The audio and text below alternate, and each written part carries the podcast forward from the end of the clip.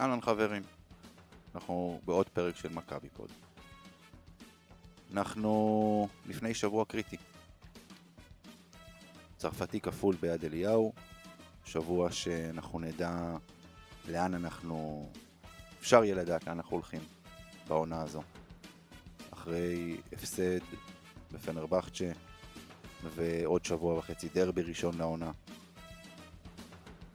אנחנו אחרי עוד שבוע וחצי נדע איזו מכבי תהיה לנו במהלך כל העונה הקרובה.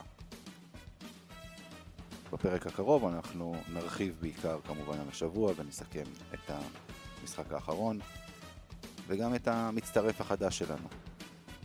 את ג'יילן אדמס, אקס ירושלים, פתיח ומתחיל.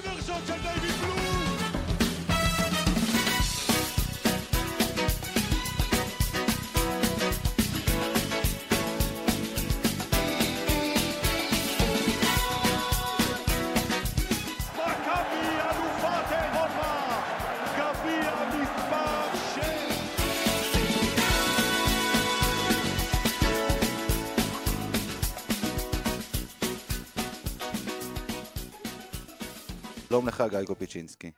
אהלן חברים, ערב טוב. שלום יאיר זרצקי. אהלן, ערב טוב.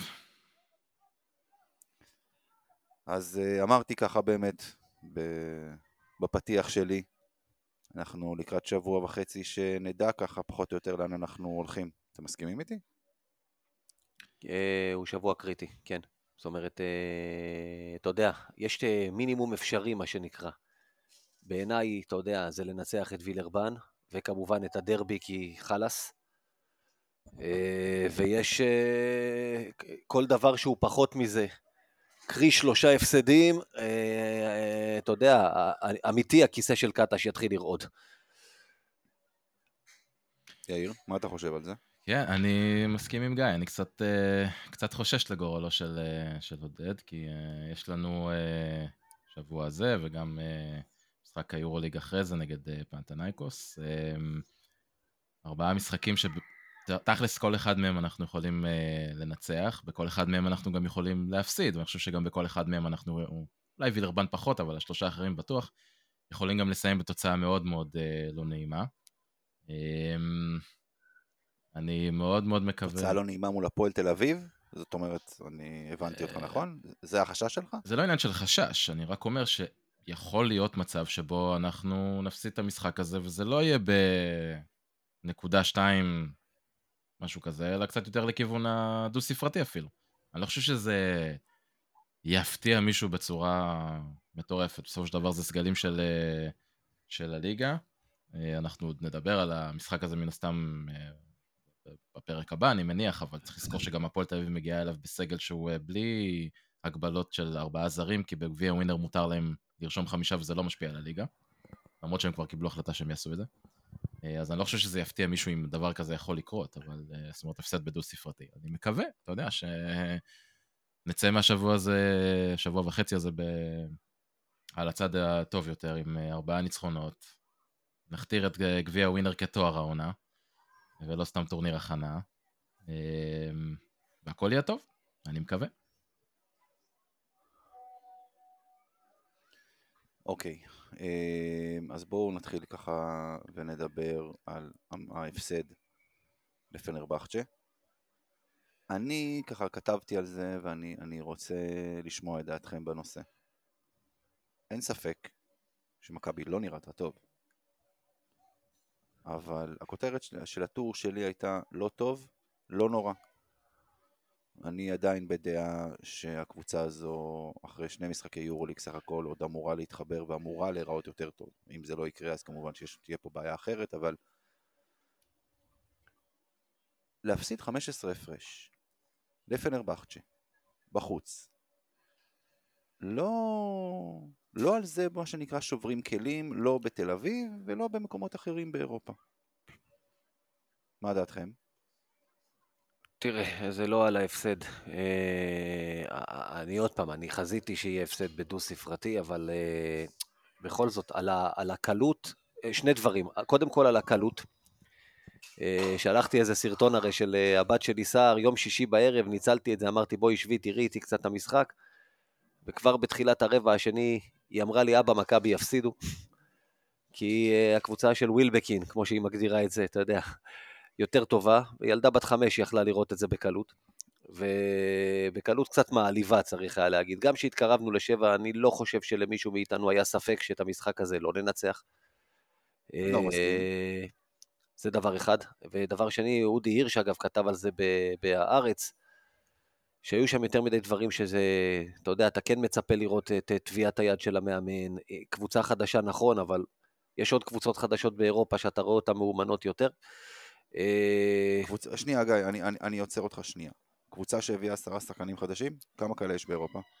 קודם כל... אה, ומאמן חדש? ומאמן חדש, אה, גם לא- זאת ששיחקה, לא גם זאת ששיחקה. מולנו, בדיוק מה שרציתי לומר, גם זאת ששיחקה מולנו וניצחה 15 הפרש, כל, ה, כל השח... הציר המרכזי שלה כמעט חדש, המאמן חדש, אוקיי. ושוב, לראות פויטרס, חמישה שחקנים, אני לא טועה, שישה. פויטרס מעיף. חמש שלשות, והריבאונד, הריבאונד, שוב פעם, לסגור לריבאונד, איך אמרת אמיר, לפעמים עניין של אה, רצון ומחויבות. רצון. רצון ומחויבות, וזה פשוט לא היה קיים. ז'לגיריס הרי חגיגה עלינו בריבאונד שבוע שעבר, וראית השבוע שזה ממש לא נפתר. אתה לא תוכל לנצח ככה משחקים, אתה תוכל לנצח ככה את ז'לגיריס ביד אליהו, אבל uh, לכן ההמשך כל כך מדאיג אותי. ועוד יותר ששמעתי היום את מסיבת העיתונאים וקטש מדבר, אתה יודע שקודם כל זה לצאת ככה ולהגיד, יש פה בעיה של מחויבות. להתחיל עכשיו משהו כזה עם השחקנים, זה, זה מאוד מדאיג אותי לגבי ההמשך. יאיר. אה, תראה, קודם כל, אני מסכים עם מה שאתה אומר שזה כביכול הפסד לא נורא כשאתה מסתכל במאזן של ניצחונות והפסדים, כי פנרבכצ'ה תהיה קבוצה, בוא נשים את זה על השולחן, שתיאבק על, אה, כנראה תסיים במ- במקומות 5 עד 8, ויכולה, אם, אם יתחבר לדברים טוב, יכולה גם להיאבק על אה, ביתיות בפלייאוף. אה, זה לא התחרות שלנו על המקום השמיני, נניח אולי שביעי, אוקיי? אני, אני, זה לא התחרות שלנו. אה, אז להפסיד שמה, בחוץ, לא כזה נורא. אה, אני גם באיזשהו מקום יכול להתחבר למה שאתה אומר לגבי הנושא של ההפסד. הבעיה, כמו שגיא אמר, ואני אני מסכים איתו גם בנושא הזה, אה, זה איך שנראינו. ואתה מסתכל עלינו ב, ביחס לעצמנו ולאיפה אנחנו רוצים להיות. אה, זה היה מאוד מאוד מאכזב לראות שאנחנו אפילו לא, לא מצליחים להחזיק מעמד יותר מרבע וחצי ב, באזור חיוג של, של פנרבכצ'ה, שגם היא בעצמה, קבוצה די חדשה, תוציא את אה, אה, גודוריץ' ו... אה, איך השם של ה small forward שלהם, אה, פייר, דיישון פייר. כן, פייר, תודה. כן. אה, תוציא את שני אלה, כל השחקנים המובילים שלהם, חדשים לגמרי, לא היו שם שנה שעברה. אה, וגם, כמו שגיא אמר, מאמן חדש. אה, והיו הרבה הרבה מאוד דברים במשחק הזה שהם הם מאוד מאוד מטרידים, גם בצד התפקוד של קטש וההחלטות שהוא קיבל, גם באיך שהקבוצה נראתה ומה שהיא אה, עשתה על המגרש.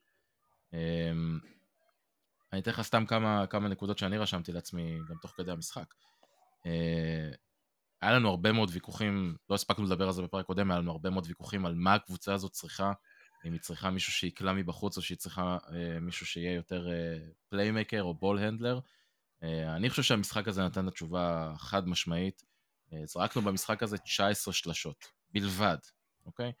אה, זה לא כי אין לנו קלעים, זה לא כי לא היו שחקנים שחיכו במקום שלהם, כי המשחק של קטש by design מעמיד אנשים לחכות בפינה לקבל כדור ל catch and shoot. זרקנו 19 שלשות, כי לא היה לנו מספיק שחקנים שיסדרו זריקות אה, לשאר הקבוצה. אה, רק לשים את זה בפרספקטיבה, אנחנו... יש רק חמש קבוצות שזרקו פחות שלשות ממכבי בממוצע למשחק בשני המחזורים הראשונים של היורוליג. אה, יש בעיה בקבוצה הזאת מאז שאיליארד נפצע אה, והוא לא, לא חלק מהסגל. בדיוק. אה, יש בעיה שכל מלאכת יצירת המצבים וניהול המשחק של מכבי נופלת על לורנזו בראון ובולדווין, בלבד. כי ג'ון די לא שם, יפתח זיו כרגע, גם אם שיחק כמה דקות, הוא לא חלק מהרוטציה של, של קטש, אה, ויש עם זה בעיה. אה, אז זה נקודה אחת. גיא נגע ב, אה, בפויטרס, אני רוצה טיפה להרחיב על זה. הוא משחק כמעט אך ורק בעמדה מספר 4. יש לו דקות בודדות ב... בעמדה מספר 5, ו... וזה בעיה, זה, זה לא עובד. אנחנו רואים שני משחקי יורוליג, גם נגד ג'לגירס, גם נגד פנרבכצ'ה, זה לא עובד. אה, אמרנו, דיברנו על זה בהכנה לעונה, בפרקים של אה, לפני, אה, אחרי גביע ווינר, אמרנו שזה מעניין, אם זה יתחבר, יכול לצאת מזה משהו מאוד טוב ואיכותי, אבל זה לא עובד. קבלת ההחלטות שלו היא, היא לא טובה, והוא נמצא בסיטואציות ובמצבים שבהם הוא צריך לקבל הרבה מאוד החלטות. סתם כמה נתונים בהקשר הזה. הוא ב-55 משחקי יורוליג עם זנית, איבד בממוצע למשחק כדור אחד. במכבי תל אביב יש לו כבר שתיים וחצי בממוצע למשחק אחרי שני משחקים. Okay? אוקיי? האחוזים האפקטיביים שלו מהשדה הם בצניחה חופשית. הם על 44.7 אחוז לעומת 60 אחוז בזנית, ולשחקן שאמור להיות שחקן פנים, ההבדל הזה בין 44 או 45 אחוז ל-60 אחוז מהשדה, זה ההבדל בין שחקן פנים טוב לשחקן פנים לא טוב, פשוט ככה. אה, גיא דיבר על השלשות, וכבר קראנו את זה, בהרבה, שמענו את זה גם בהרבה מקומות אחרים, זה הכל אלמנטים שמראים שהבן אדם נמצא לא במקום שלו, ואנחנו מפסידים פה פעמיים. פעם אחת כי הוא לא נמצא בעמדה מספר 5, שם הוא באמת יכול להיות אפקטיבי ויושב בול על השיטה של קטש, אמ, גם בהגנה, גם בהתקפה, ומצד שני, בעמדה מספר 4 אנחנו מאבדים אלמנט מאוד מאוד חשוב במשחק של קטש, שזה מישהו שצריך לקבל החלטות בצורה טובה ולהיות אפקטיבי מהעמדה הזאת. אה, ולדעתי, זה, זה חייבת להיות אחת המסקנות מהמשחק הזה. אה, אני לא יודע מה רואים באימונים מג'רל מרטין, אבל צריך להתחיל להשתמש בו יותר בעמדה הזאת ולתת לאלכס פויטרס להיות יותר בעמדה מספר 5. אמ, אז, אז, לא, שוב, בטור שכתבתי, אני, האמת שכתבתי בדיוק את מה שאתה אמרת עכשיו. אה, ואני מסכים איתך לגבי העניין עם פויטרס, הוא צריך לשחק בעמדה 5, וג'רל מרטין אין בעיה, צריך להתרגל לכדורסל האירופי. הבעיה היא שהעמדה מספר 4 שלך נראית פשוט לא ברמה לשום דבר שקשור ליורוליג, אתה יודע, זה הסיבה שקאטו אבל... שם אותו שם, כי אין לך עמדה 4, ג'רל מרטין אה, גיבור על נס ציונה, אה, במרכאות, כרגע עוד לא הסתגל. ג'יי כהן, אתה יודע, אפילו בליגה לא רוצים לרשום אותו באמת. ו... גיא, אבל איך הוא יסתגל? איך הוא יסתגל אם הוא בקושי משחק שם? זה אחד. ושתיים, אם גם ככה יש לך בעיה בעמדה מספר 4, בוא לפחות נרוויח את עמדה מספר 5 בצורה טובה יותר. שלא תהיה בעיה במספר 5. כן. אני מקבל, אתה יודע, אבל דיברתם על איזה שחקן חסר, אני חושב שזה עוד דבר. אנחנו צריכים עוד שחקן גם בעמדה הזאת, אנחנו בבעיה קשה שם.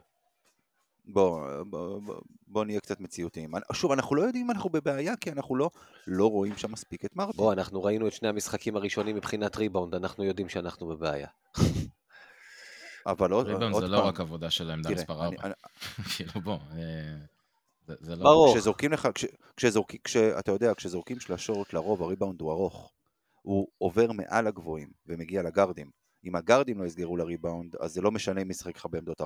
אבל זה לא רק זרקו שלשות, אה, במקרה של פנרבכט, שראית מתחת לסל את החגיגה, זה לא ריבאונד ארוך. היה שם מתחת לסל, לא שחקנים שלהם נראו, שלנו נראו כמו ילדים אה. לידם, שהם עומדים מעליהם ומקפיצים להם מעל הראש. זה גם וגם, גיא, זה גם וגם, ושוב, בסופו של דבר, אתה מנסה כבר שני משחקים את פויטרס וניבו ביחד.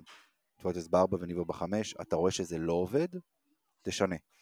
שים את מרטין בארבע, מרטין קצת יותר אולי אגרסיבי, קצת, אתה רואה שם יותר רצון, אתה רואה שם קצת יותר אה, לחימה ממנו, כן. תן לו את הצ'אנס הזה. דרך אגב, ואגב, כן, כן, תמשיך. לא, אני, אני אומר, אם אתה רוצה לתת לו את הצ'אנס הזה, תן לו את זה ביום, תן לו את זה מחר. זאת אומרת, מי שישמע את זה, זה כבר יהיה היום. תן לו את המשחק נגד מונקו. ביד אליהו, עם האנרגיות, עם הקהל, תן לו את זה פה. אני אגיד לך יותר מזה, אתה יודע מה הייתי, אני נגד מונקו, אנחנו אולי ניגע בזה עוד מעט, אז אה, אה, אתה יודע מה, בוא נעזוב, כשנגיע למונקו אני אגיד לך. אני, אני רוצה לדבר רגע אני, על... אז, אז, אז, סליחה, אמיר, תמשיך. שנייה, שנייה, שנייה, שנייה אחת, יאיר, אני, אני רוצה מש, נתון אחד שככה, שישבתי ובדקתי, ואתם אה, אולי אה, לא תסכימו איתי או לא תאהבו לשמוע את זה, אבל הרבעים, זאת אומרת, המשחק, אה, זאת אומרת, המשחק, המשחק נגד פנרבכצ'ה, שלושה רבעים הסתיימו בפער, רבע אחד אנחנו ניצחנו בנקודה, שני רבע, רבע אחד הסתיים בארבע נקודות אה, לטובת פנרבכצ'ה. שלוש, כן. והרבע הרביעי שלוש. שלוש, הרבע והרבע. הרבע הרביעי שתיים, הרבע הראשון שלוש, זה בעצם התוצאות, כן. נכון, סליחה, נכון, נכון, נכון. הרבע השני ב-11 נקודות הפרש לפנרבכצ'ה. אתם בדקתם את, אה, את עניין העבירות ברבע הזה? אתם יודעים כמה עבירות נשרקו למכבי ברבע הזה? הרבה מאוד. 11. כן. יודעים כמה עבירות נשרקו לפנרבכצ'ה ברבע הזה? ארבע? ארבע. אמ, לא הפסדנו בגלל השופטים, כן? אני לא, לא. אני, אני רוצה, בואו בוא, בוא, בוא נוריד את זה מהשולחן ישר, ההפסד הוא לא היה בגלל השופטים, הקבוצה הטובה ביותר ניצחה. אין פה בכלל ספק. דווקא בגלל זה, אני לא חושב שהם צריכים עזרה מהשופטים. אבל הם. לא. אבל הם קיבלו עזרה מהשופטים. לא הפסדנו בגלל השופטים, אבל השיפוט שהלך שם ברבע השני היה שיפוט ביתי בצורה שאני מזמן לא ראיתי באירופה כבר. 11-4 בעבירות, בסוף, בסך הכל במשחק, 29 זריקות עונשין לפנרבכצ'ה, 11 או 12 למכבי תל אביב. אין שום היגיון, לא יכול להיות, גם אם מכבי רק הפגיזה משלוש כל הרבע השני, מה שלא קרה, זה לא הגיוני. כן, יאיר. כן, עוד פעם, אתה מסתכל על השורה התחתונה, אבל אני חושב שאתה לא... אתה כאילו מנתק את כל מה שקרה מתחילת הרבע ועד הסוף שלו. אז, אז קח רק את הרבע שבו חזרנו, אה, נגיד, זה היה רבע רביעי, אם אני לא טועה. אה, איטודיס כבר עבר שם לחילופים חברתיים. הוא הכניס שם את, אה, את אדוארדס למשחק והוציא את אה, סקוטי וקלטס ככה כל פעם אחד, כל פעם אחד אחר. כי אדוארדס לא בעניינים שם, והוא נראה על הפנים מתחילת העונה, והוא צריך אותו בשביל המשך העונה, הוא כבר, אתה יודע, הריץ אותו בדקות האלה, וזה קצת אפשר למכבי אה, לנסות לחזור. ברגע שהתקרבנו אליהם, הורדנו ל-67-70, בקושי הס- הספקת למצמץ, והם פתאום עלו חזרה עוד פעם לאזור ה-15 פלוס. אוקיי, בסוף עוד טיפה הורדנו את זה. אה, זה טיפה, זה טיפה משקר. אני, אני... זה בסדר להגיד את מה שאתה אמרת, אבל בסוף, כשהיה 6, 8 הפרש ב- ב- באזור אמצע הרבע השני, זה היה הפרש מאוד מאוד משקר. הם הגיעו למצבים מאוד נוחים מתחת הסל שלנו, ומבחירה שלהם החליטו להוציא כדורים החוצה ליציע, לשלשות שלא נכנסו להם, במקום לעשות סלים קלים. אה, הייתה תחושה, בדומה אגב למשחק שהיה שם שנה שעברה, כמעט אחד לאחד, שברגע שהם באמת ירצו וברגע שהם ירגישו איום אמיתי, אה, הם ילחצו קצת על הדוושה והם יעלו את, ה, אה, את ההפרש להפרש שיהיה לנו קשה להגיע לשם, קשה לה- להדביק אותו. אה, וזה זה החלק שהכי מבאס, שאתה, מרג... רואה את המשחק, בתור אוהד מכבי אתה רואה את המשחק, ואתה אומר לעצמך, זה לחלוטין לא תלוי בי מה, מה יהיה פה עכשיו. זאת אומרת, אם הם יחליטו שהם משחקים כמה דקות, הם פשוט יפתחו פה הפרש. וההפרש עלה לאט לאט לאט לאט. אה, אז, אז אני ככה קצת לא לגמרי מסכים מה שאתה אומר. אני כן רוצה לדבר על אה, נקודה נוספת.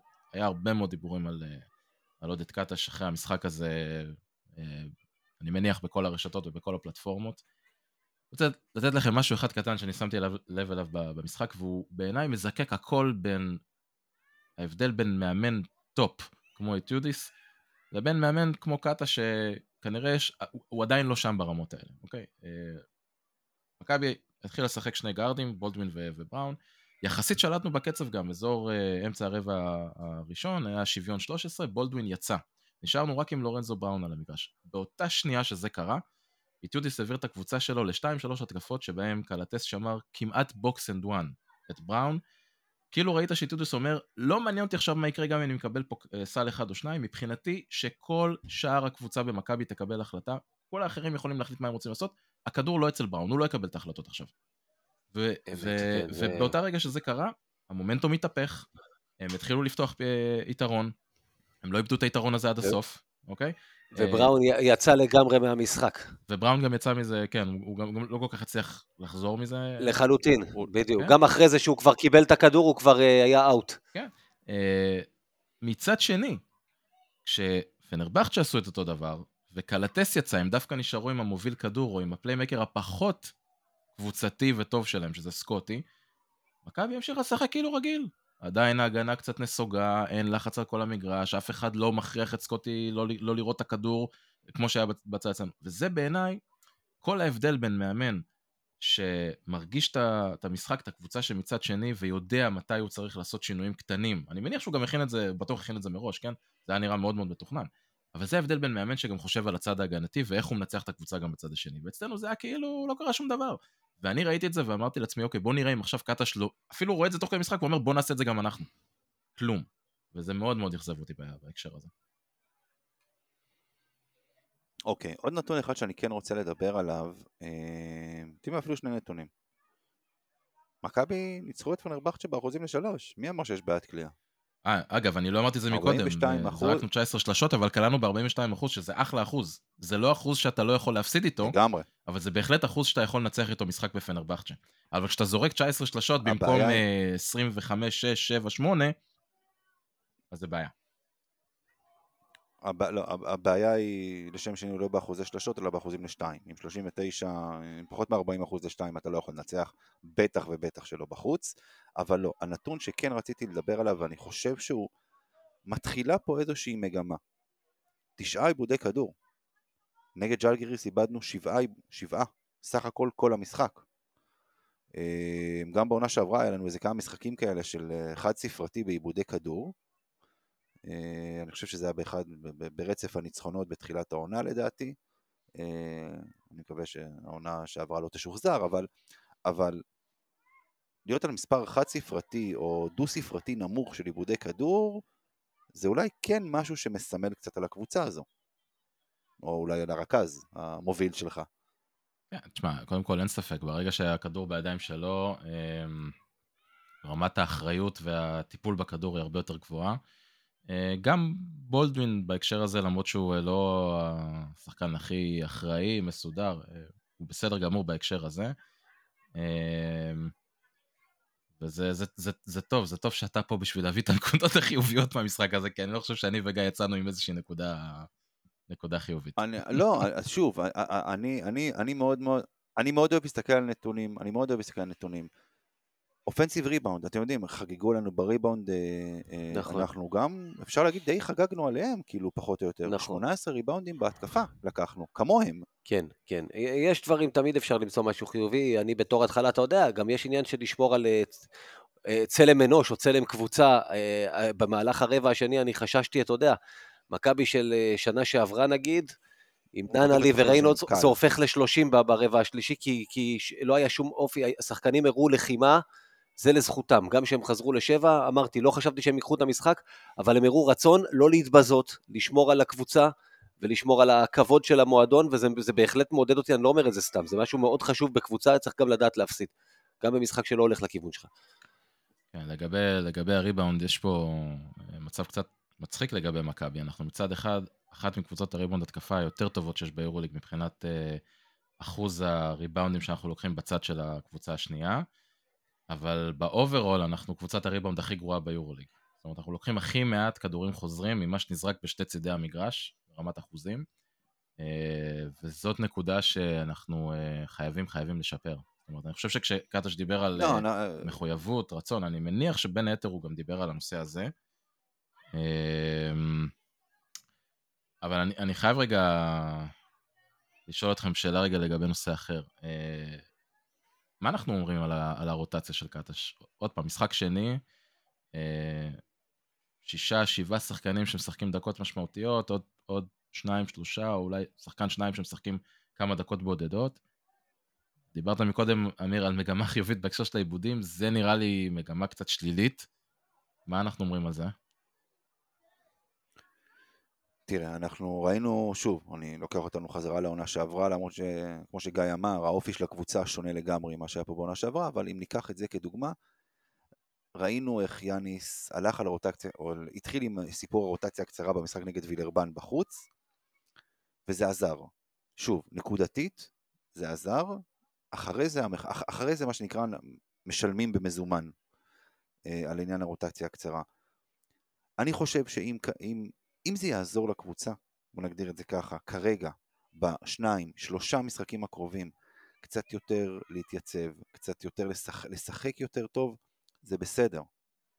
בעיניי זה בסדר. שוב, אם זה לכמה משחקים בודדים כרגע. אם, זה, אם זאת תהיה מגמה, אנחנו נהיה פה שוב בבעיה. זה ידגיש עוד יותר את עניין מכבי א' ומכבי ב', שוב זה יפגע בנו בליגה, שוב שחקנים יהיו עייפים, שוב שחקנים לא- ירגישו שהם לא חלק מקבוצת היורוליג, ולך תדע איך זה, איך זה יקרין עליהם בליגה שלנו. לא, לא... אני לא בעד, שוב, אלא אם כן מדובר על משהו מאוד מאוד מאוד נקודתי, שניים, שלושה, ארבעה משחקים, גג, לא מעבר. אני מאוד מקווה שאתה צודק. אני אמרתי את זה אחרי המשחק הקודם, זה בעיניי אה, נורת אזהרה, שבאמת נצטרך לבחון אותה בכמה משחקים הקרובים לאן זה הולך. אה, אבל אה, אני חושב שנבנה פה השנה סגל בכוונה הרבה יותר רחב מעונה שעברה. נכון שאנחנו כרגע עם פציעה של ליליארד, ולפני שאדמס נכנס אפקטיבית לקבוצה, הולינס עוד לא כל כך ברור מה קורה איתו בריאותית ומקצועית, אבל אני, אני, מקווה שזה, אני מקווה שזה ישתנה בהקשר הזה. גיא, מה, מה אתה אומר על סיפור הרוטציה הקצרה? שוב פעם, זה, זה, זה מאוד מזכיר לי את מה שדיברנו בשנה שעברה, זה חד משמעית סיבה מאוד גדולה לדאגה בשתי המסגרות. כי יש לנו פה מכבי א', מכבי ב' מצד אחד, ורוטציה קצרה ביורוליג, שזה יגמור את השחקנים המרכזיים, ובליגה אנחנו נידפק, כי אה, לבוא ולבקש מהישראלים, עכשיו תהיו פקטור כשהם לא פקטור בימי חמישי, או בימי שלישי במקרה של גם מחר, זה יכול להיות מאוד בעייתי, ובסוף יהיה מחיר. אה, הצירוף של עוד שחקן, אני אומר, מבחינתי צריך אפילו עוד, עוד אחד. הוא על הפרק, ואת הולינס צריכים להכניס, אנחנו לא יודעים מה הסיפור שם. כאילו, אתה יודע, היו כל הדיבורים האלה, כן פצוע, לא פצוע. אם הוא יכול לשחק, חייבים להכניס אותו לעניינים, הוא שחקן שיכול להוסיף, ו- ואנחנו לא יודעים מה קורה בחדר ההלבשה, ומה הסיפור איתו, אבל uh, גם, אנחנו צריכים להשתמש בשחקנים שלנו. Uh, המחיר פה יהיה גבוה, יורוליג היא ארוכה, מתישה, קשה, ו- ואתה לא יכול, שוב פעם, אתה לא תוכל. זה דרך אגב, גם בעיה שתהיה למונקו לדעתי בהמשך, שאנחנו נדבר עליה, היא פתחה מאוד חזק, אבל הרוטציה שלה קצרה, גם זה, זה יגבה מחיר בהמשך ממנה. אז אה, דיברת ככה, אתה אמרת פחות או יותר את מה שאני אמרתי באמת לגבי עניין הרוטציה, והעברת אותנו להולינס, אז באופן די... Uh... במעבר uh, טבעי, מה שנקרא. בואו נדבר רגע על, ה, על החיזוק uh, שמכבי הביאה. ג'יילן אדמס, אקסי הפועל ירושלים, ראינו אותו פה בעונה שעברה. Uh, הוחתם לשלושה חודשים עם אופציה להארכת חוזה בעצם עד, עד סוף העונה. גם לפי דיווחים כאלה ואחרים הוא יירשם לליגה, שזה קצת כאילו לא כל כך מובן אם אתה מחתים אותו שלושה חודשים, למה אתה רושם אותו לליגה, כי אתה שורף פה בעצם רישום לליגה, אבל אולי זה בעצם מעיד שמתכוונים להשאיר אותו לכל העונה. השמיני מתוך עשרה שאתה יכול לרשום, יש לך עוד שניים אחרי זה, כאילו. גם אם אתה רושם אחרי זה את כן, הוליץ נכון, והוא התשיעי, אז כאילו, אוקיי, יש לך עדיין עוד אחד. עדיין, זה, זה, אתה, אתה כאילו, לרשום שחקן שאתה אולי יהיה פה רק שלושה חודשים, זה כאילו לא... לא אתה, משנה, אתה לא יכול לשחק כל משחק ליגה עם uh, בראון ובולדווין ביחד, כי פשוט אין לך תחליף, אתה לא יכול. לא, לא, לא, בסדר גמור, לא, אני, אני, את, את, את זה אני מבין. אמ, מה אתם אומרים על ההחתמה הזו? קודם כל, אה, מדובר על אה, גרד יוצר, אתה יודע, מכבי תל אביב. לעצמו. נכון. מכבי תל אביב חיפשה, אה, אתה יודע, כל הזמן דיברנו רכז או קלעי, ואני חשבתי שבאמת הכי טוב זה למצוא combo guard, אז הוא combo guard. אה, הוא יודע ליצור לעצמו, הוא יודע להוביל כדור, הוא יודע לקלוע. אה, אבל הוא בעיקר קולע, שוב, ממצבים שהוא מסדר לעצמו, שזה הצד של המינוס. והצד השני הוא ההגנה שלו שמאוד מוטלת בספק, ולמשחק הגנה שלנו שכרגע נראה רעוע זה, זה לא יעזור. אה, הדבר השני החיובי זה שזה שורף את בתחת לאוהדי הפועל ירושלים, שזה תמיד כיף. כן. אני לא יודע אם יצא לכם לעבור על התגובות לציוץ שהוא שיתף של מכבי. אה, וואו. אני ראיתי, אני, אני ראיתי ציוץ של, אה, של רטינו בסואן. כן. קצת תגובות שם. זה, זה לא יצא לי, אני אחפש את זה אחרי זה, זה דווקא מעניין. אני אוהב לראות את הדברים האלה, זה... חפש, חפש. אבל האמת היא, האמת, אלו, שנייה, יאיר, רק בהקשר הזה של אה, זה, כאילו, אני חושב שאחרי אמרה, כאילו, זה רק בירידה, לא יכול להיות מעבר לאמרה, זה כבר, אה, זה היה שיא. כן, יאיר. אז אני רוצה רגע לגעת במה ש, שגיא אמר אה, לגבי הנושא של combo guard. אני חושב שאנחנו טיפה, טיפה אולי מבלבלים את המונחים. ג'יילן אדמס הוא לא combo guard, כי הוא לא יכול לשחק בעמדה מספר אחת, הוא לא נע בין שתי העמדות האלה. הוא יותר secondary playmaker או secondary ball handler, שזה מישהו עוזר לרכז ביצירת uh, מצבים, בניהול המשחק, אוקיי? שזה בהחלט מה שהיה חסר בעיניי למכבי.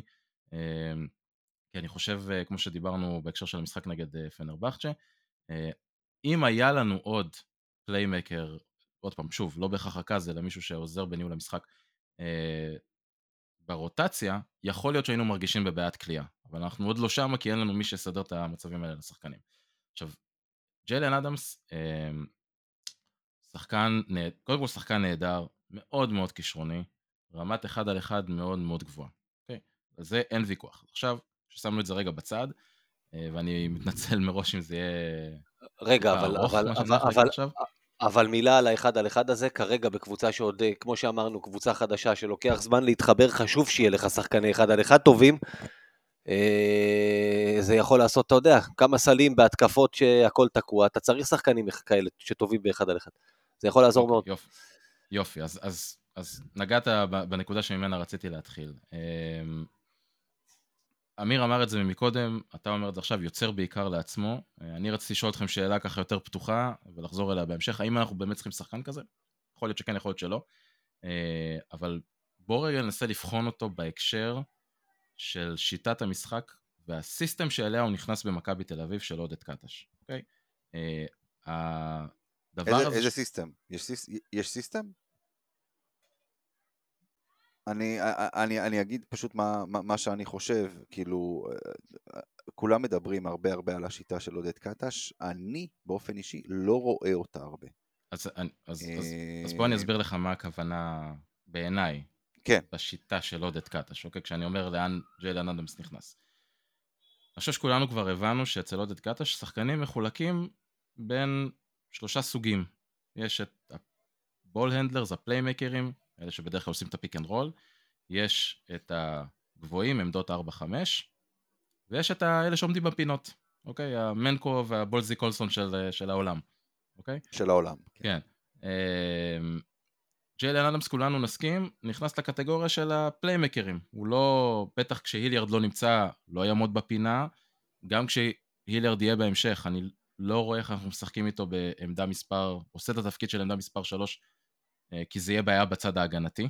אוקיי, הוא שחקן עם size לא גבוה, לא גדול.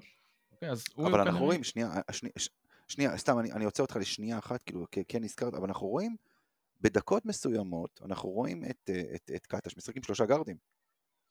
אין, אין בעיה, אה, עם בולדווין, בולדווין, לורנזו וג'ון די, שבוא נגיד שם, גם שם הסייז הוא לא משהו לספר עליו הביתה. כן, שוב, יכול לקרות, לא מאמין שנראה את זה הרבה, אני חושב שזה גם יוצר בעיה בהגנה. ג'ון די, עוד לפחות, אתה לא צריך להחביא אותו הגנתית. ברגע שאתה שם את ג'יילן אדמס בהרכב של שלושה גארדים, אתה גם שולח את uh, בולדווין או בראון לשמור על שחקן יותר גבוה, אתה גם צריך להחביא אותו, ואם אתה משחק נגד קבוצה עם גארדים טובים זה בעיה.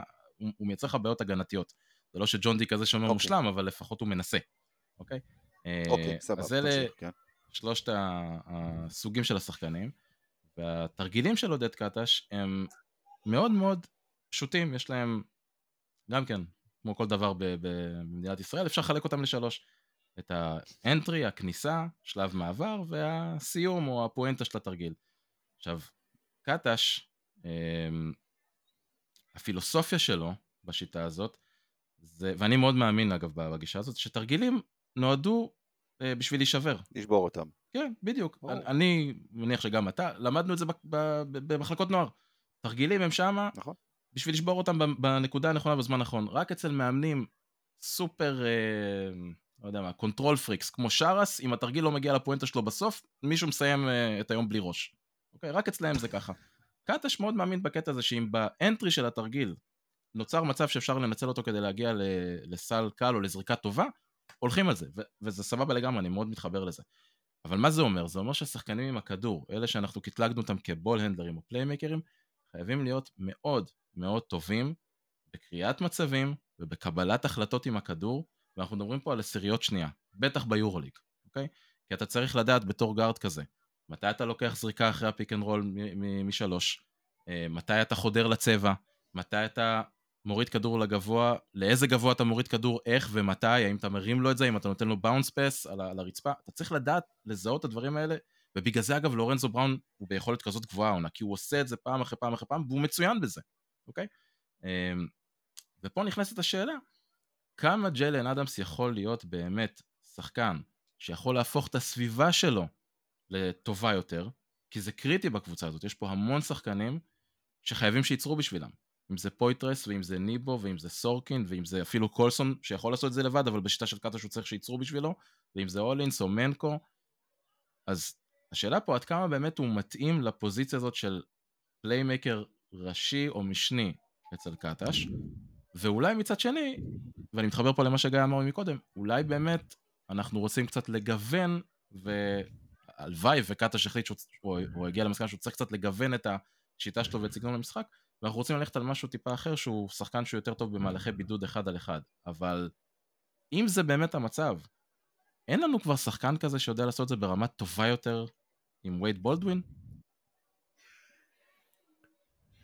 יש לנו פה שחקן שהוא איום יותר טוב מחוץ לקשת מווייד בולדווין. וייד בולדווין, אמת. זאת אומרת, על הנייר, רק- כרגע ווייד בולדווין נהדר מחוץ לקשת. כן, אבל uh, המהירות שבה אדמס מרים זריקה זה הרבה הרבה יותר טוב ברמה הרבה יותר גבוהה מווייד בולדווין בנושא הזה.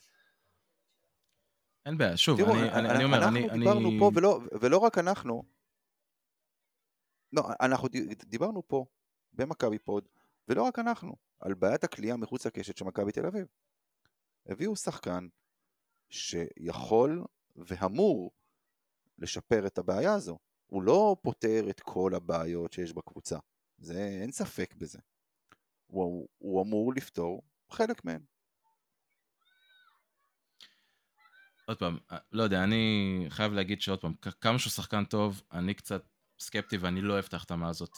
אמ, דווקא גיא נראה יותר סקפטי ממך. יכול להיות, אני... אני... הוא מדבר על הקרחת. אה, אוקיי, לא אוקיי. כן, כן. יופי, כן, נכון, כן, יופי כן, גיא. אין- ספק, אה, בזה אתה צודק. אני עוד לא ברמת הסקפטיות של גיא, אה, למזלי. אתה לא קרוב. אה, בוא, תן לי כמה שנים, אולי אני מדביק אותך, אבל... לא, אבל עכשיו, עכשיו ברצינות, אני אגיד לך גם מה, ב- גם מה עוד מפריע לי בהחתמה הזאת. איפה מחלקת ה scouting של מכבי תל אביב? בשביל להחתים את ג'יילן אדמס, לא צריך scouting. מספיק אנחנו שאנחנו מכירים אותו משנה שעברה, ויודעים זה שהוא. בחוזה. אמרנו את זה כל הקיץ קודם כל, שאף אחת מההחתמות האלה לא צריך scouting בשבילה, דיברנו על זה. זה שחקנים ש... אה, ש- לא, נגיד מרטין. מרטין אני, אני יכול להתווכח, אה, ושאר ההחתמות, עוד פעם, זה שחקנים ששיחקו ביורוליג. אין, לי- אין לי בעיה שתביא שחקן מהיורוליג ותגיד, אני לא צריך scouting בשביל זה, זה בסדר גמור, זה שחקן יורוליג. אבל כשאתה מביא שחקן כן. שלא שיחק בליגה הזאת, ואתה נמצא באמצע העונה, והמחלקת scouting שלך אמורה, בשביל זה היא קיימת, כדי לדעת להגיד לך מי עכשיו זמין בשוק, אה, מי יכול לענות על הצרכים שיש לך ב, אה, בסגל שבשבילם אתה מביא עכשיו חיזוק באמצע העונה. ובסוף אנחנו מביאים את השחקן. שכל כל, כל אוהד יכל לזרוק את השם שלו. אני, אה, אני רק שאלה, אני רק שאלה. היה מגיע עכשיו גארד, אמ, בוא נגיד מהג'י ליג, בלי ניסיון באירופה או בלי ניסיון ביורוליג, לא משנה. מה הייתם אומרים? אה, אני לפחות הייתי נותן לו את ה-benefit of the doubt לראות אה, האם, הוא, האם הוא מתאים לרמה ואם לא, ואם הוא היה מתאים, הייתי אומר, שמע, מחלקת ה scouting שיחקה אותה פה. אה, זה, אה. זה, אנחנו מכירים כבר את העובדה שאחוז הפגיעה שלהם הוא לא מאוד מאוד גבוה, אבל פה זה אפילו לא זה. זה כאילו הלכו למחלקת, אני מדמיין את זה ככה, אני, אין לי מושג, אני מניח שזה לא קרה ככה, אבל זה כאילו, אתה יכול לדמיין את זה בצורה של... אה, בא קטש לכל הצוות המקצועי שיש לו שם. טוב, חבר'ה, אנחנו צריכים שחקן שיודע לעשות ככה וככה וככה, מי יש לכם? ואין תשובה. אתה מבין מה אני אומר? אני מבין, אני... בוא נגיד, אני לא יודע אם זה היה ככה, אני מקווה שלא. אני, מאמין שלא, אבל התוצאה היא יש לי, כאילו יש, בעייתית. יש לי עוד שאלה. אני חייב להגיד שאני מעדיף שחקן שכן יסתובב בכדורסל האירופי על פני שחקן מהג'י ליג שייקח לו זמן להסתגל לכדורסל האירופי שאנחנו רואים שזה לוקח זמן. אישית אני מעדיף. לג'לן אדמס, שברשתות מסוימות קוראים לו אה, זבל צ'י ליג, אה, נכון. יש לא, בדיוק שנה אחת עם הפועל ירושלים, שאגב, במסגרות האירופאיות לא הייתה כזאת ארוכה. לא, לא. שנה ודקה בערך, כי הייתה לו גם דקה בשלון, אם אינני טועה שלון, אה, ואז המא... אוקיי. המאמן, ש... והמאמן שם אמר עליו שהשחקן הזה, לא, הוא לא שחקן לקבוצות הביניים באירופה, וגם לא יהיה. כי הוא טוב מדי או פחות טוב מדי? לא מתאים. זה לא, מה שהוא כי, אמר. כי, סג, כי סגנון המשחק שלו הוא סגנון משחק של בידודים, הוא סגנון משחק שבו, שבו הוא סוג השחקנים האלה שלפחות ממה שראינו עד עכשיו, אני תכף אסייג את זה אגב, אבל uh, אני, אני אומר, הוא מסוג השחקנים האלה שאם המשחק ההת- ההתקפי לא בנוי סביבו, כדי לבודד אותו ולתת לו, להביא לידי ביטוי את יכולות האחד על אחד, uh, כנראה שהיכולות שלו לא, לא יבואו לידי ביטוי בצורה טובה מספיק. למה אני מסייג את זה? Uh, אני קצת נתלה פה באילנות גבוהים, אני יודע, אבל כשהזוניה חתם בריאל מדריד בקיץ, אני אמרתי לעצמי, זה מאוד מאוד מעניין יהיה לראות איך שחקן כזה, באופי שלו כשחקן, לא שיש לו אופי אישי בעייתי, אבל איכשהו כשחקן על המגרש, נכנס למערכת שבה יש סיסטם מאוד ברור שכל אחד משחק כמות מסוימת של דקות, לפחות ככה זה אצל אסו, אה, ויש שליטה של המאמן בצורה מאוד מאוד אבסוליטית בקצב המשחק, והוא סוג של סוס פרק כזה. ואני רואה את הזונה במשחקים הראשונים של ריאל מדריד, ווואלה, הוא לפחות בינתיים עושה את המאמץ להיכנס לתוך הסיסטם הזה ולשחק במסגרת החוקים של, אה, של המערכת. אז אני מסייג את כל מה שאמרתי עד עכשיו, ואני מאוד מאוד מקווה לאכול את הכובע אחר כך, אבל לי נראה שג'לן אדמס זה לא הפתרון שהיינו צריכים. ו- ואני רוצה רגע לשאול עוד שאלה ברשותך. אולי ג'יילן אדמס נועד יותר לליגה? לא, אני, שלנו? אני, אני לא רואה את זה קורה, כי אתה לא תצליח לא שהוא לא לסחוב... שותף... ב- לא, לא, רגע, הבנתי לא, מה אתה אומר, הבנתי, הבנתי מה אתה אומר, אני רק, אוקיי. אני רק, אם זאת המחשבה, אה, אז אנחנו הולכים, אנחנו פשוט הולכים לאבד את העונה עד שאליארד יחזור. אה, כי הוא, היום, היום עדכנו שהוא בחוץ לפחות לעוד חודש, בין שלושה לחמישה שבועות נוספים, אז בוא נגיד בממוצע חודש. אה, בחודש הזה יש לנו לא מעט משחקים ומשחקים קריטיים.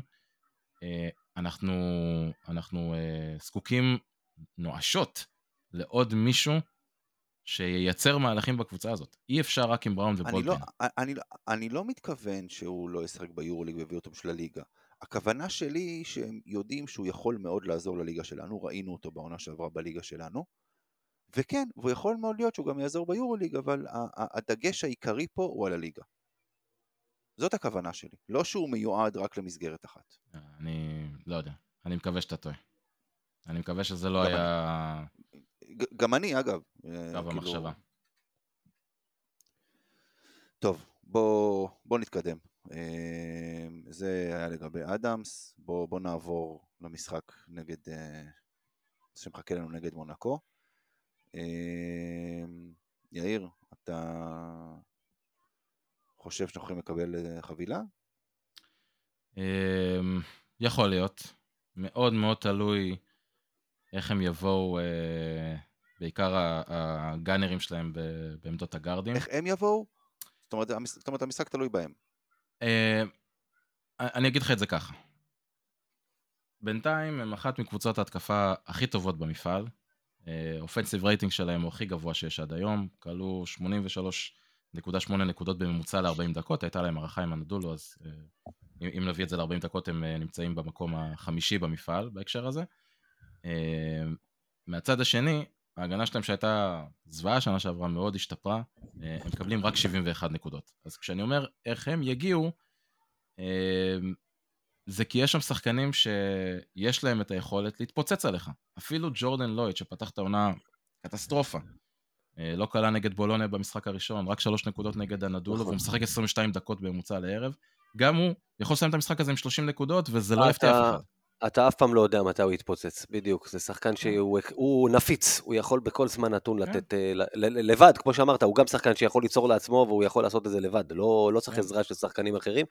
אגב, הגנה, אתה הזכרת את ההגנה, יש אה, שתי סיבות מרכזיות מאוד לעניין של השיפור בהגנה, אחד זה כמובן ג'ון בראון, שחקן שיש לו ידיים של תמנון והוא חוטף כל מה שעובר לו באזור, וזה משלים כמובן את ההגנה על הטבעת של דונטה הול.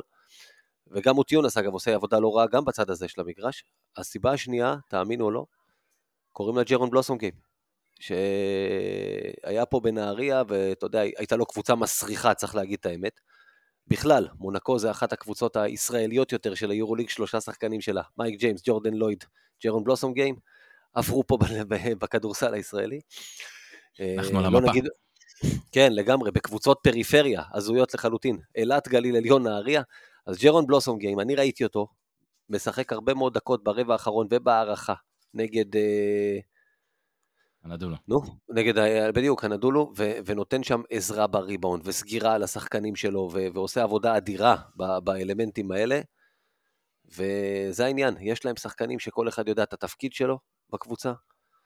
אה, גם קבוצה שמאמן חדש והכל, ו... ו, ו... או שאני... לא, לא, סליחה, לא מאמן חדש, אבל... אה, ו, ו, וגם שחקנים... מאמן חדש, מאמן שהתחיל באמצע העונה שעברה. וגם שחקנים שיודעים ליצור. זאת אומרת, שחקנים שיודעים, אתה יודע, בתחילת עונה תמיד כולם פחות מאומנים, אבל אה, אז הולכים על בייסיקים, ויש להם שחקנים ש... כמו מייק ג'יימס, כמו אלי אוקובו, אלי אוקובו, לא כמו, כמו שיודעים לעשות סלים, אתה יודע, גם שהקבוצה עוד פחות מאומנת, ה- את הפשוט, את ה pick and roll ו- ו- ודיאלו, ו- ויש להם, אה, שוב, את הגבוהים גם שיודעים להיות קטלניים ב pick and roll הזה, אם באה עזרה ומשאירים אותם אה, להתגלגל לסל. וזה עובד להם נהדר. כן, אבל נגעת בנקודה הכי, הכי משמעותית בעיניי לגביהם. אמ, אני נותן לאוברדוביץ' הקטן, מה שנקרא, אה, קרדיט אה, מאוד מאוד גדול. אה, הקבוצה משחקת כדורסל של אחד על אחד. אה, הוא נכון. מאוד אינדיבידואלי. הם חמישית, חמישים מהסוף באחוז אסיסטים מתוך סלי השדה, ולא סתם, כי א', הם תמיד עם שניים משלושת הגארדים המובילים שלהם על המגרש, תמיד, אוקיי? אה, מעט מאוד עם שלושתם ביחד, אבל תמיד לפחות עם שניים, והם פשוט הולכים על מי שחם באותו רגע.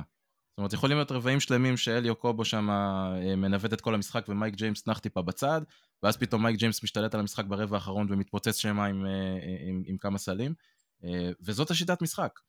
נכון. זאת אומרת, אני נותן לו קרדיט על העניין הזה, הוא לא ניסה ללכת ראש בראש עם הסגל ולהגיד אני אנסה להכניס את הסגל הזה לתוך איזושהי תבנית מסוימת, אלא הוא אומר, זה מה הם יודעים לעשות, אני, אני זורם עם זה.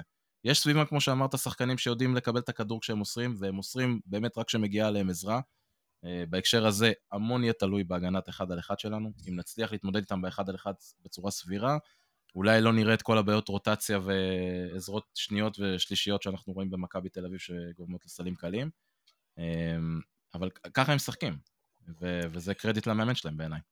קודם כל גם תגיד, אתה יודע, הם קיבלו פתיחת עונה, אתה יודע, אנחנו דיברנו על משחק הפתיחה שלנו שאמרנו בהזמנה ביי ג'לגיריס, הם קודם כל קיבלו וירטוס בולוניה, שחוזרת ליורוליג עם הקהל שלה המאוד חם בחוץ, ואז אלופת היבשת בבית, זו פתיחת עונה קשה, והם עברו אותה עם 2-0 ועם ניצחונות מרשימים. אז אבל אי אפשר לגמרי. אל תשכח שנדולו בלי לארקין. כן, כן. הנדולו בלי לארקין, ועדיין זה לא פשוט, ושוב, לנצח את וירטוס בולוניה 15 הפרש בחוץ, בכל זאת, אי אפשר לגמד את זה, זה לדעתי מרשים מאוד. אה, דיברתי במשהו שנגענו בקטנה, שדיברתם על ג'רל מרטין בתחילת הפרק. אני הייתי רוצה, כי אני חושב שמול מונקו זה כן אפשרי, לראות אה, דקות של בונזי קולסון בעמדה 4. אני חושב שזה בהחלט אפשרי מול מונקו, שהארבע שלה הם לא אה, מפלצות, גם מוהרמה וגם ג'ון בראון, בונזי קולסון יכול לשמור עליהם, ויכול לתת חיפוי עם הידיים שלו, כל מה שקשור לחטיפות, כל מה שקשור לזה, כדי להריץ את מכבי. אני הייתי מאוד מאוד רוצה לראות את קטש מנסה את זה, אני לא יודע אם זה יקרה, אבל הייתי רוצה לראות. אני חושב שזה גם משהו אני- שישים את הכדור ביד שלו הרבה יותר, אה, ויאפשר לו לייצר יותר מתוך כדרור, שזה משהו שהוא אה, עשה כל השנים האחרונות שלו באירופה.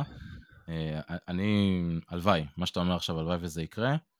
אה, זה גם אומר שיהיו לך שלושה שחקנים, של- שלושה גארדים על המגרש, שזה נותן לך הרבה פתרונות בהתקפה, גם מבחינת כליאה, מבחינת אה, לא יצירה. חייב, לא אתה יכול- להיות אתה- עם מנקו יכול להיות בעמדה עם מנקו שלוש. בשלוש, כן. בדיוק. אוקיי, נו, ספק. פתרון בקליעה זה נותן לך, בנקו אחד בגדול, למרות. האפס. אין ספק. הדגש שאני שם מעבר לריבאונד, שזה די ברור, כי אם תיתן להם מחר 17-18 ריבאונד התקפה, אתה לא תנצח את המשחק הזה. אמ, כי בגלל, שוב, שמשחק ההתקפה, אתה יודע, דז'ה וו שוב לעונה שעברה, בגלל שמשחק ההתקפה שלנו, ההתקפה העומדת, הוא לא איזשהו אה, להיט גדול עדיין כרגע, ואנחנו רואים במיוחד בלי לורנזו בראון, שמן הסתם לא יכול לשחק 40 דקות, בטח לא עם הלחץ שהוא יקבל מחר והוא יקבל, כי יש שם שלושה גארדים שישבו לו לנשמה, גם אם הם לא להיט גדול בהגנה. אה, עדיין, עדיין אה, ילחצו אותו ויעשו לו, ינסו להתיש אותו, כי אני מניח שכל אירופה רואה שמכבי לורנזו בראון זה לא אותו דבר. אה, אנחנו צריכים לעשות אותו דבר אגב, ללחוץ את הגארדים שלהם, להשתמש בכל הגארדים שיש לנו, כולל יפתח זיו, אם הוא יירשם, אני לא, לא בטוח בכלל, אבל uh, למרות שסביר להניח שהוא כן וג'יי כהן ואיליארד בעצם uh, יהיו בחוץ. בכל מקרה, או אדמס, אנחנו עוד לא יודעים. אני, ההימור שלי שאדמס כן, כן יירשם מחר. אני מסכים. אה, מה? אני מסכים. אה, אוקיי. אה, ללחוץ את הגארדים שלהם כמה שיותר, ריבאונד, ולטוס קדימה, לטוס הכי מהר שאפשר. מול, מולנו עומדת קבוצה לא פחות אתלטית מאיתנו, בדיוק. אבל פשוט לטוס, לטוס, לטוס. ברגע כש, כשמוטיונס על המגרש, ואתה יכול לשחק עם ניבו או פויטרס בחמש, יש לך שם יתרון של שחקנים שיכולים להגיע ראשונים להתקפה. לנצל את זה ולרוץ כמה שיותר. בהגנה תהיה לך אה, בעיה עם מוטיונס, אגב, הוא שחקן שוב, שמשחק מעולה את ה pick and roll וחותך לסל ועם הגובה שלו, וראינו את מכבי מאוד מתקשה עם הגבוהים של פנרבכצ'ה, ויהיה לנו בעיה קשה איתו. בסוף, אתה יודע. אה, אבל הוא שונה מאוד מהגבוהים של פנרבכצ'ה שמתגלגלים לרוב פנימה, הוא רוב הזמן מתגלגל החוצה.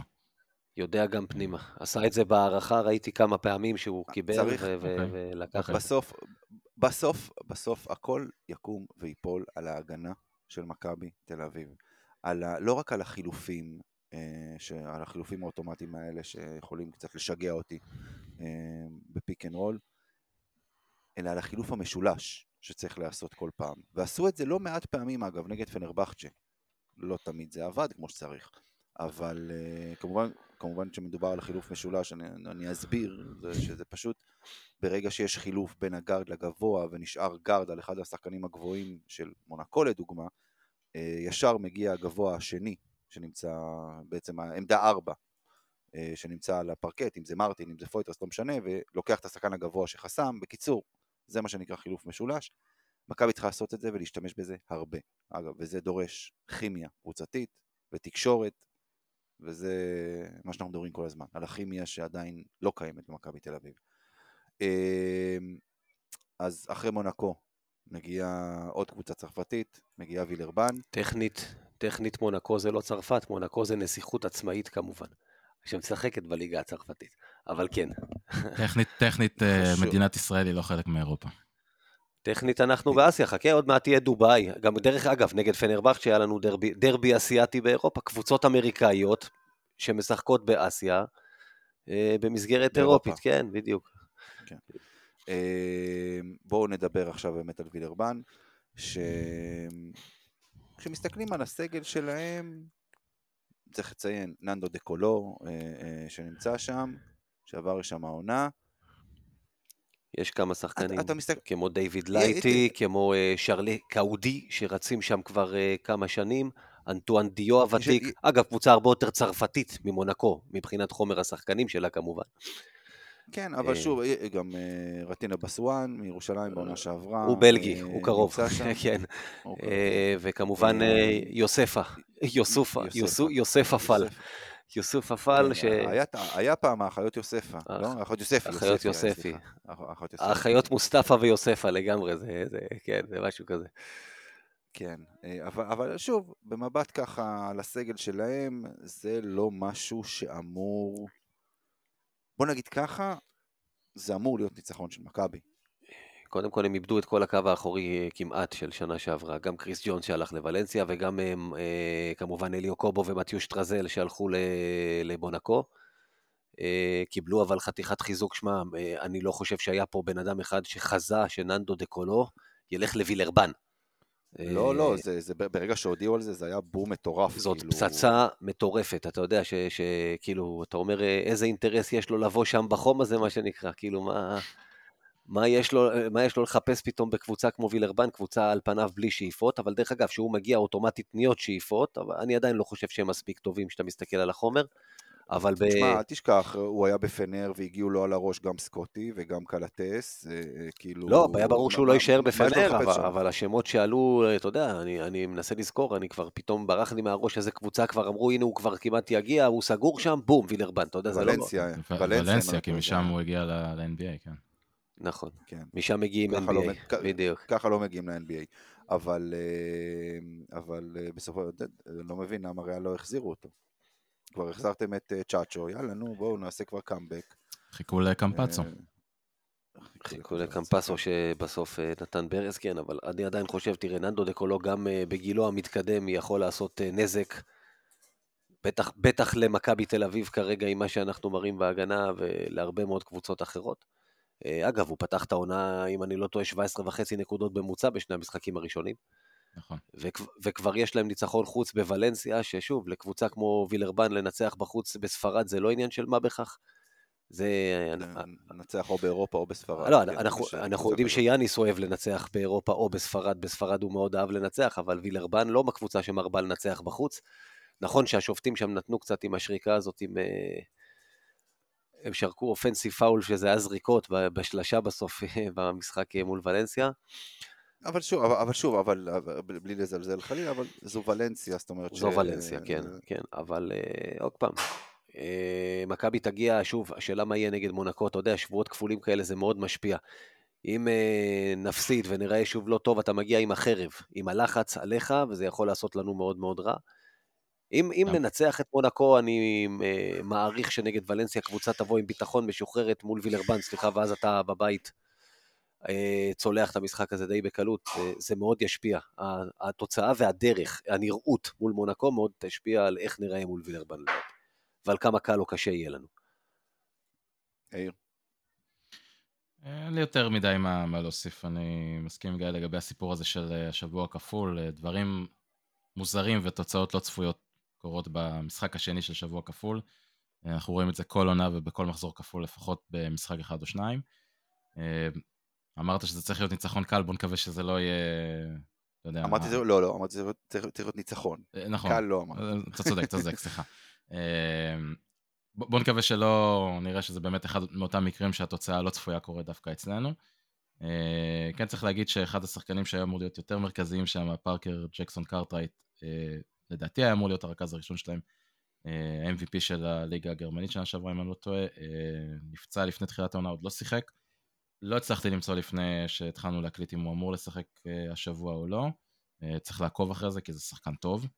אה, כן, כנ"ל, כנ"ל, אני מחפש בשביל השידורים שלנו, חיפשתי, אני יודע שהוא עוד לא שיחק השנה ועוד לא ראיתי שום דבר אם הוא אמור או לא אמור. אתה יודע, קלאסי נגד מכבי, זה בדיוק אה. המשחק חזרה שלו והוא נותן 20 נקודות, אתה יודע, אנחנו אוהבים את זה. רגע, זה לא, כן. אם אני לא טועה, הוא- השחקן הנמוך ביותר נכון. ביורוליג? כן. אני זוכר נכון? כן, מטר שמונים. יפה, כן. אה, מטר שמונים לפי אתר של היורוליג, אני לא יודע מה באמת... אה, כן. יש לנו את ג'ונדי שיתפוס עליו אה, עמדה בפוסט עם יתרון גובה. כן, אה, כן. אה, אגב, זה, זה אגב, אם, אם הוא משחק, אם הוא משחק, אז בבקשה, יתרון, יש לנו קו אחורי יחסית גבוה. בסדר, אה, אוקיי. דיברנו על זה לפני פנרבכט, זה- שראית את זה קורה, פוסט-אפים על סקוטי, פוסט-אפים על קרסון אדוארדס, לא לא ראינו את זה. זה לא לא, קטש, אין מה לעשות, זה. לא חלק מהסיסטם. זה לטוב או לרע, זה זה מה יש. זהו, ל- ל- לשמחתנו, הדבר היחידי שאני רק אוסיף לשמחתנו זאת עוד אחת מקבוצות הריבאונד הגרועות במפעל יחד עם מכבי, אז בואו נקווה שלפחות במשחק הזה הריבאונד שלנו יהיה סביר. יאללה, סגרנו פה. אה, טוב, הגענו, הגענו לשלב ההימורים. תן לנו עדכון זמן תוצאה, יאיר. אה, שבוע קשה עבר על כוחותינו, ובכוחותינו כן. אני מתכוון אליי. אה, לא, לא היה שבוע מוצלח בכלל. אה, לעומת זאת, צחקנו על זה קצת לפני שהתחלנו, אה, לאמיר היה שבוע מצוין, והוא מסיים כמנצח השבועי שלנו שבוע שעבר עם חמישה כן. הימורים נכונים מתוך שש. גם- תרנגול עיוור. יאללה, יאללה. גיא עם שלושה הימורים נכונים שבוע שעבר. ו- ותודה לסקוטי שבמחצית השנייה החליט לנוח, כי אחרת היה לי שניים, על האנדר אובר 14 וחצי שלו, היה לו 12 במחצית, אם אני לא טועה, ולא כלה אף נקודה במחצית השנייה.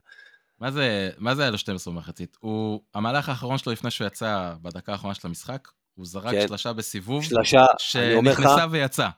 ואני אני כבר הייתי באמצע לצעוק, יש, נקודה. בדיוק, אני שחררתי שאגה של יש, הוא החטיא את הזריקה הזאת, כאילו, אתה יודע, כאילו זה זריקה על ניצחון. לגמרי. כן, אז, אה, אז גיא, כמו שאמרתי, עם שלושה ניחושים, הימורים נכונים שבוע, שעבר. אני, עזבו, בוא, זה, אנחנו, אה, אנחנו נעשה חושבים, לא, לא, בכל לא, זאת לא, זה לא, שנה, לא, לא, לא, לא. לא, שנה לא, ראשונה, לא. קשיי התאקלמות, יורוליג. הוא- אה, שנה- הוא ראשונה הוא ביורוליג. יסכם את כן, המצטבר. ואנחנו נשמע כמה... כן, אז התוצאה היא אה, שמונה, שמונה, שמונה, שמונה, שוויון כן. בין שניכם, אני עם אה, ארבע. תיקו, תיקו. שוויון. אז אנחנו יודעים כמה הוצאת, אוקיי, בסדר. בסדר רגע. כמה הוא הוציא? אני לא זוכר כמה היה לו שלוש בשבוע. שעבר, אנחנו נעשה את החשבון, זה פשוט אומר אחד, בסדר, לא נורא. שמרנו על הפורמט של החמש, שלוש, אחד. בדיוק. כן, יאיר, אתה, יודע, שמי, אתה יודע שמי שמסיים אחרון יורד ליגה. אל תתחיל. אה, הולך לעשות, הולך, הולך לעשות הימורים בפודקאסט אחר, לא חשוב. זה לא, זה לא, זה לא כמו היורוליג שאני צריך קודם כל לעשות פלייאוף כדי לקבל את הכרטיס שנה הבאה אם באתי מה... אם עליתי ליגה. זה לא, אין את לא, הרעיון זה הזה? זה אוקיי. מקום שני לא מספיק פה? אנחנו ספורטיביים. אה, אה, טוב. אז בואו נעבור, להימורים שלנו להשבוע. אז אה, כיאה לשבוע כפול, אה, אנחנו מהמרים על שני המשחקים אה, בעצם שיהיו לנו השבוע, כמו שאמרנו, מונקו ווילרבן. אנדר עובר חצי ניצחון משני המשחקים. זה הליין שלך? זה הליין שלי. אוקיי, לפני שאתה משנה את זה מהר. אתה יודע מה? לא, אתה יודע לא, מה? לא, זהו, לא, לא, לא, נגעת לא, לא, לא, נסעת, לא, לא, לא, נגעת נסעת. לא, לא, עובר. אה. רגע, מה הליין? לא, מה זה, אמרת חצי ניצחון? כן. לא, לא, לא, לא, לא, לא, לא, לא, לא, לא, לא, אה. אני חוז- אני חוזר בי. לא לא נגעתי באדום עדיין, אבל אני חוזר. בי. אנדר עובר, אחת וחצי ניצחונות. אוקיי. אני הולך על אנדר. אה, אני הולך, אני, הולך על ה-obvious, אנחנו נפסיד למונקו, ננצח את וילרבן. מה שנקרא, נצא מהשבוע הזה לא קרם ברולה, אבל גם לא נקבל את הבגט. אני גם אלך אנדר. אני לא צריך לדבר, נכון? אתה, כן, אתה... אתה מבחינתך מנצחים שלושה משחקים השבוע. יש שלושה משחקים השבוע. שלושה מתוך השניים. לא, לא. השבוע יש לך רק שניים. הפועל זה יום ראשון. אה, נכון, נכון. אני, אני אמר, אמרתי ערב לפני שהתחלנו להקליט, אני כבר שבוע וחצי לא יודע איזה יום היום. אני כאילו, מבחינת, אני אין לי מושג. אז אה, טוב, בסדר, לא, אז השבוע ננצח שניים. אה, נעשה match-up בין מייק ג'יימס לווייד בולדווין. מי קולע יותר?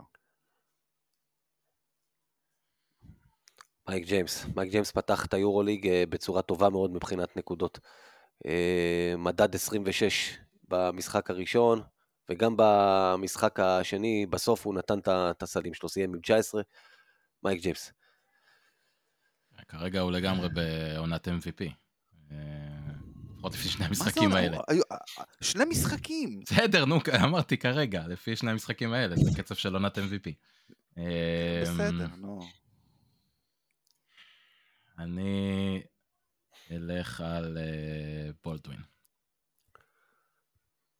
כנ"ל, גם אני הולך על בולדווין. אה, טוב. מצ'אפ בין לורנזו בראון לננדו דה קולו. יום חמישי, עברנו ליום חמישי. נקודות, כן? כן, כן, כן, כמובן.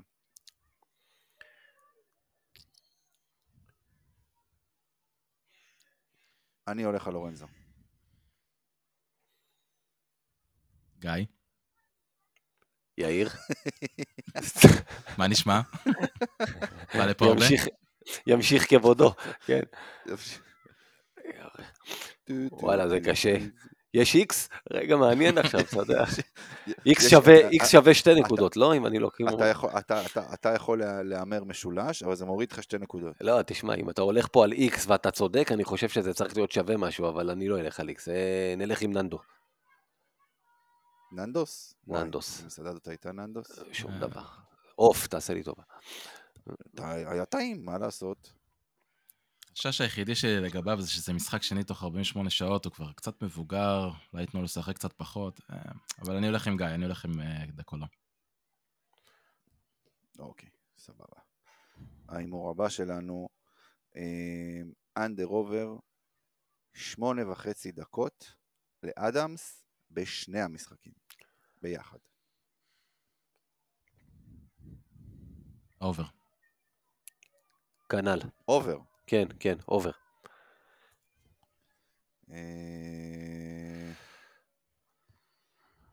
שאלה מעניינת. אה, ההימורים שלי זה משהו. לא, אתה חזק השנה, אין אני- ספק.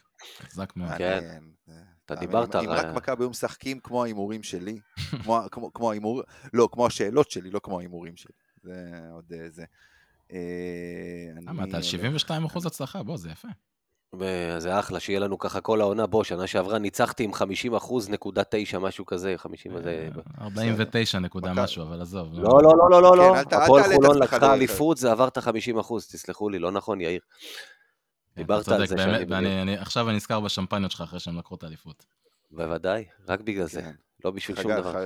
חגג יותר מהאוהדים שלהם. טוב, אמיר, תהמר כבר, נו, אתה אה, אתה מבזבז פה זמן, אתה עומד ליד מושך הקרן. זמן, יאללה, אתה עושה אבו פאני. כן. יאללה, נו over. אין לי את ה- אה. אין- לי את התחת של אבו פאני להחזיק את הכדור שם ליד הקרן. תשמע, יש, יש פשוט אה, כל. כך הרבה תרחישים שבהם הוא ישחק יותר מ- משמונה וחצי דקות בשני המשחקים האלה. אה, שזה פשוט רוב הסיכויים שזה מה שיקרה. לא משנה מה יהיו התוצאות, זה כל כך הרבה תרחישים. אוקיי. חייב. להגיד רגע משהו, אתה הזכרת תחת, בוא, השבוע ראינו שתחת גורם לנבדלים. אז תחשוב על זה אם יבוסלה או רנדי ווייט בזמנו היו שחקני כדורגל ובחוקים החדשים הם היו כל הזמן בנבדל. הערה חשובה. כן. תחת- החכמנו אחרי ה... אתה רואה, אמיר, ואתה אמרת לפני תחילת השידור שאולי השבוע אנחנו נצליח לחמוק מאיזה סיפור כזה, אתה רואה? אם, אם לא, יש חודש. אם יש חודש, עזוב כל פרק, חודש, ש- שלא תהיה איזה בדיחה תחת של רנדי ווייט, אנחנו לא מכבי פה, עזוב, זה לא, זה לא יכול ללכת. אוקיי. אמ, אז דיברנו פה הרבה בפרק על עניין הריבאונד. אנדר עובר ממוצע של 16 וחצי ריבאונדים בהתקפה בשני המשחקים הקרובים. 16 וחצי פער. בין מכבי ליריבה, אתה מתכוון? לא, 16 וחצי ריבאונדים. 16 וחצי ריבאונדים בהתקפה בממוצע. רגע, עכשיו אני שואל ברצינות. 16 וחצי ריבאונדים בהתקפה של מכבי או של היריבה? של היריבה. לא, של היריבה. של היריבה. יר, אוקיי. יריבות צרפתיות, over. יש לך שם, אה, בצד אחד יש לך תורן כמו פאל, בצד שני קפיץ כמו דונטה הול, ומוטיונס שהוא גבוה 2-13, אובר. אנדר. אני הולך over. over, אובר זה אומר שאנחנו מפסידים את שני המשחקים, כאילו. לא, לא. לא, לא בטוח. לא? אוקיי. טוב, זה, זה מסתדר אולי עם זה שאמרתם שמפסידים למונקו. אה, אני ניצחנו את ז'לגיריס ככה, לא? עם 19-17 מתחת ל- נכון. לסל שלנו. ז'לגיר- אוקיי, בואו נראה. טוב, והימור אחרון. אנדר עובר, ההימור הדי קבוע שלנו. אנדר עובר 12 וחצי דקות לישראלים, שוב, ממוצע, אה, ממוצע, פר משחק. בשני המשחקים האלה. וואלה, זה מעניין. אה, מדד הג'ונדי שלנו, אגב, יאיר, דיברנו על השמונה ומשהו דקות שהיה לו למשל נגד אה, ז'לגיריס, 13 וחצי דקות הוא קיבל כבר מול אה, פנרבחצ'ה. שזה המון יחסית ליכולת שהוא מראה. אה, וואלה, זה מעניין. אני אלך אובר.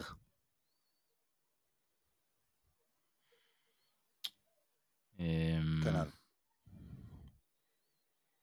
אז גם אני אלך over. אוקיי. אה, אה, אז... כן, גיא. אתה הימרת? אני לא שמעתי את ההימור שלך. אמרת over, over. אוקיי. פשוט אני, אני חושב שדווקא מי שיקבל בעיקר הרבה דקות השבוע אלה יהיו סורקין ו... אה, ומנקו, ומנקו. לדעתי. כן. טוב, גיא, הבמה שלך. אז אה, טוב, נלך לשיעור היסטוריה בניחוח צרפתי אה, לרגל השבוע. אתם יודעים, אנחנו גדלנו כאמור בשנות ה-90, וגם בשנות, סוף שנות ה-80, תחילת ה-90, הייתה קבוצה אחת שייצגה את הכדורסל הצרפתי, שהיא פורטז. אה, 80-90, סליחה, לימוש. לימוש כמובן. לימוש, שבהתחלה אני זוכר אותם בירוק, ואחרי זה פתאום החליטו שהם צהוב אדום, החליפו את הצבע, לא יודע למה. אה, אז הלימוש הזאת, אה, הייתה היריבה האחרונה של מכבי בעונת הסיוט שדיברנו עליה לא מעט, עונת 92-3, שמכבי תל אביב של אותה שנה במה שקראו גביע אירופה לאלופות, לא ניצחה אף משחק חוץ, ולמעשה ניצחה סך הכל שלושה משחקי בית כל העונה האירופית, שהמשחק האחרון ביד אליהו היה מול לימוז', ומכבי תל אביב פתאום הראתה רוח קרב, לחימה והגנה, שאני חושב שהיא לא הראתה כל העונה כדי לצאת בכבוד מהעונה האירופית הזאת, ומכבי ניצחה את לימוז' 70-69, עם סל ניצחון אה, כמה שניות לסיום של, מישהו זוכר? בוא נראה. זה מבחן, זה מבחן אה, קשה, זה למתקדמים. אנחנו- אנחנו מקליטים פה כבר שעה ועשר דקות, אתה באמת חושב שאנחנו יכולים לעקוב? אה, אז אפרופו 10 דקות, מספר 10 באותה עונה. מי זה היה? קורן עמישה. נכון מאוד, קורן עמישה, המאוד מושמץ, כלה את סל הניצחון בחדירה. מכבי מנצחת את לימוז', שבאותה עונה, בסוף העונה, זוכה בגביע אירופה לאלופות. מכבי כבר אז מסתבר הייתה טובה דווקא בעונות מסריחות שלה לבוא ולנצח את אה, אלופת היבשת לעתיד, כמו שעשינו, מה שנקרא מה שעשינו ב-2016-2017 לפנרבכצ'ה של אוברדוביץ'. אז מכבי ניצחה את לימוז', לימוז' הלכה ולקחה גביע אירופה, שכמובן, זו הפעם האחרונה שקבוצה מצרפת לקחה את הגביע הזה, והאם האם מונקו החדשה תשבור את התקרה הזאת, אה, תרשו לי להמר בכל זאת שלא. אבל אה, לא יודע מתי הפעם הקרובה שקבוצה צרפתית תעשה את זה. לא, לדעתי עדיין, מונקו עדיין לא שם. ווילרבן ודאי שלא. אוקיי, ורצית להגיד עוד משהו. אה, כן, אה, לא ידעתי אם אני אוכל להקליט לכם את הפרק הזה, כמו שכמובן אה, כתבתם ברשתות, ותודה רבה לכם על זה, איבדתי את סבא שלי ממש לפני יומיים. סבא ראובן, זכרו לברכה, שנפטר בגיל 90. אה, אני רק אדבר עליו מילה בהקשר של מכבי. סבא שלי, בניגוד לסבא השני שפעם סיפרתי איך הוא הכניס אותי לעניין של אהבת הספורט, הסבא הזה מבחינתו ספורט לחלוטין היה עשרה או עשרים ושניים רודפים אחרי כדור, מה שנקרא, והוא הוא תמיד היה אומר שייתנו לכל קבוצה כדור והם יפסיקו לריב, כאילו, הוא באמת לא הבין על מה העניין. אבל הוא ידע שהנכד שלו מאוד אוהב את מכבי ואת ימי חמישי ואת הדבר הזה. ובגלל שהוא אהב, מה שנקרא, הוא, הוא מאוד אהב את הנכד שלו, שזה אני, הוא אשכרה היה רואה את המשחקים לפעמים, והיה בא ליום שישי בארוחה המשפחתית ואומר לי, תקשיב, בעיקר אני מדבר עכשיו על תחילת שנות האלפיים, שהיה פה הייפ מאוד גדול על הקבוצה. וואו, הם שיחקו, כן, אומר לי, הם שיחקו יפה אתמול, והוא פתאום בא ומספר לי אחרי הגמר, אתה יודע, של 2004, אה, כמה זה היה מריגש אותו שכל הקהל עמד ושר את התקווה באופן ספונטני לפני המשחק. אה, זה מה שהוא עשה כדי, אתה יודע, הוא, הוא, הוא פתאום התחיל לראות כי הוא ידע שזה ייתן לו עוד נושא לשיחה עם הנכד שלו, וזה היה סבא שלי, הוא דאג קודם כל למשפחה, יהי זכרו ברוך, אני מתגעגע אליך סבא. אז uh, כמו שכתבנו ברשתות, אנחנו כולנו משתתפים בצערך. Uh, רק בריאות ושתדעו ימים טובים יותר, זה... כתבנו את זה ואנחנו כמובן מתכוונים לכל מילה. Uh, במעבר uh, חד, כמה שאפשר uh, לעשות, אנחנו רוצים להזכיר שאנחנו משדרים את משחקי מכבי באינטרנט, שידור רדיו בעצם לכל אלה שלא יכולים uh, לראות את המשחק, לא יכולים להיות מול הטלוויזיה, לא יכולים לצפות בו. אנחנו משדרים את המשחק מיד אליהו. כמובן שאנחנו בכל יום של משחק אנחנו מפיצים ברשתות, מפיצים בכל מקום אפשרי את הלינק אה, אה, לצפייה. אז גם במשחק מול מונקו, גם במשחק מול וילרבן, אנחנו משדרים. אז זה משהו שחשוב לנו מאוד להזכיר. ואנחנו נסיים כאן את הפרק הזה. אה, יאיר זרצקי וגיא קופיצ'ינסקי, תודה רבה לכם. תודה רבה. וחפשו אותנו בפייסבוק, בטוויטר, בטלגרם, אה, באינסטגרם, באתר מכבי פוד. אה, אנחנו נמצאים בכל מקום. אז תודה רבה, ויאללה מכבי.